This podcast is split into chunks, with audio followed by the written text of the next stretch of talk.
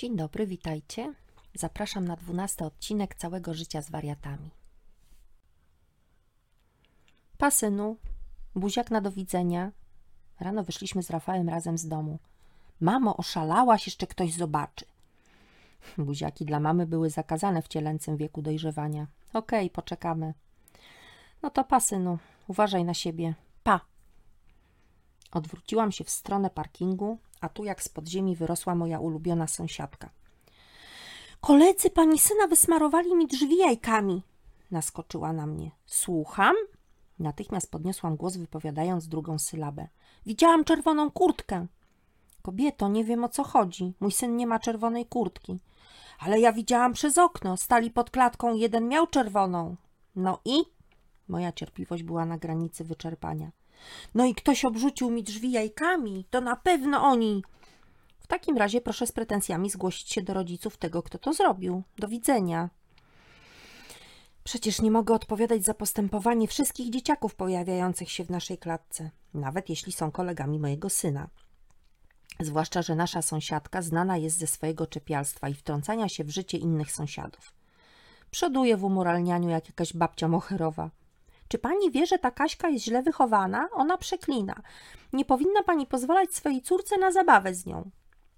Marta z drugiego piętra całowała się z chłopakiem na podwórku, a pani dziecko się z nią zadaje. Wstyd! Dziecko, nie wolno palić papierosów. Czy twoi rodzice o tym wiedzą? I tak oto upominała każdego, jeśli tylko uznała to za stosowne. I wiecznie sapała i narzekała, że jest chora i zmęczona, wspominając o tym każdemu, kogo napotkała, chociażby w windzie. Strach było z domu wychodzić. Po powrocie do domu znowu awizo. O matko, ileż można znieść. Poszłam na pocztę, odstałam swoje i ku mojemu zdziwieniu odebrałam pozew rozwodowy. Hmm, najwidoczniej prawie były, chciał sobie układać życie na nowo z którąś z tych młodych lasek, o których opowiadał na lewo i prawo niestworzone rzeczy. A to, że wyprowadza się do jednej, bo teraz to on ma życie, nie to co ze mną, albo że w dziewczynach może przebierać. Takie ma towary, że każdy by mu pozazdrościł. Tylko on nimi nie jest zainteresowany, bo postanowił najpierw uporządkować swoje życie. Na mnie te zasłyszane od znajomych opowieści nie robiły już wrażenia. Ale pozew jak najbardziej. Wreszcie miałam szansę mieć nie prawie byłego męża, ale pełnoprawnego ex. Marzenie. Tyle, że najpierw miałam spotkać się z nim w sądzie w sprawie paszportu dla Rafcia, który potrzebował dokumentu jadąc na kolonie.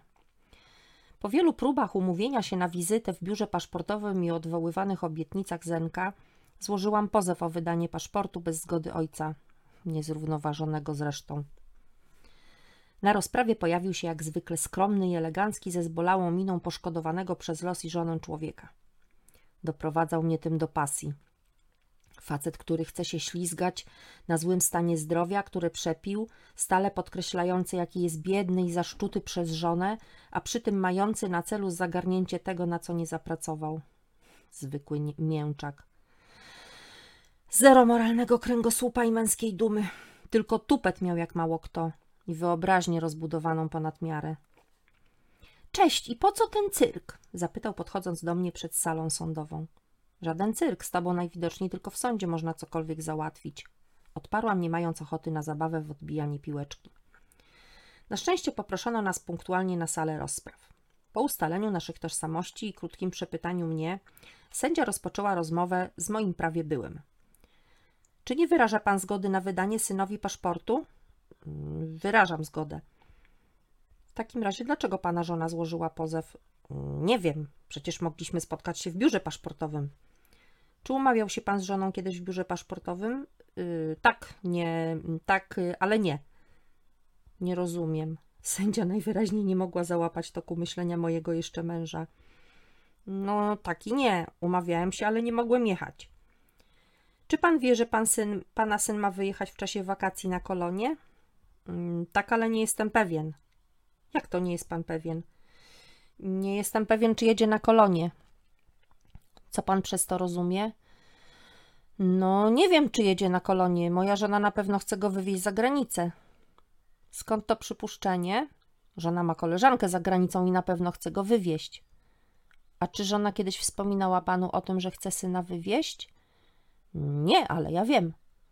Na jakiej podstawie pan to wie? Bo żona ma paszport i córka też. Sędzia została porażona mocą argumentów prawie byłego. Proszę pana, czy wyraża pan zgodę na wydanie synowi paszportu? Sędzia najwyraźniej nie chciała prowadzić dalej tej jałowej dyskusji. Yy, nie wyrażam. W takim razie sąd wydaje nakaz wydania paszportu dziecku. Sędzia zwróciła się do mnie z uprzejmą informacją, kiedy będę mogła odebrać wyrok, tonem głosu sugerując, że współczuje mi użerania się z typem siedzącym naprzeciwko mnie. Oczywiście, jeśli pozwany nie złoży odwołania. Nie złożył. Rafcio pojechał latem na kolonie w góry. Był najposłuszniejszym, choć jednocześnie najbrudniejszym kolonistą, gdyż cały wyjazd przechodził w jednych ciuchach, a spakowany przeze mnie plecak przywiózł z powrotem do domu niemalże nietknięty. Z paszportu skorzystał przy przekroczeniu granicy ze Słowacją, gdzie dzieci pojechały na kilka godzin wykąpać się w gorących źródłach.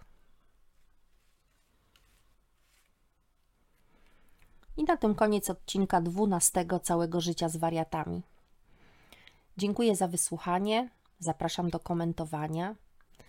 A teraz życzę Wam pięknego wieczoru i mam nadzieję do usłyszenia.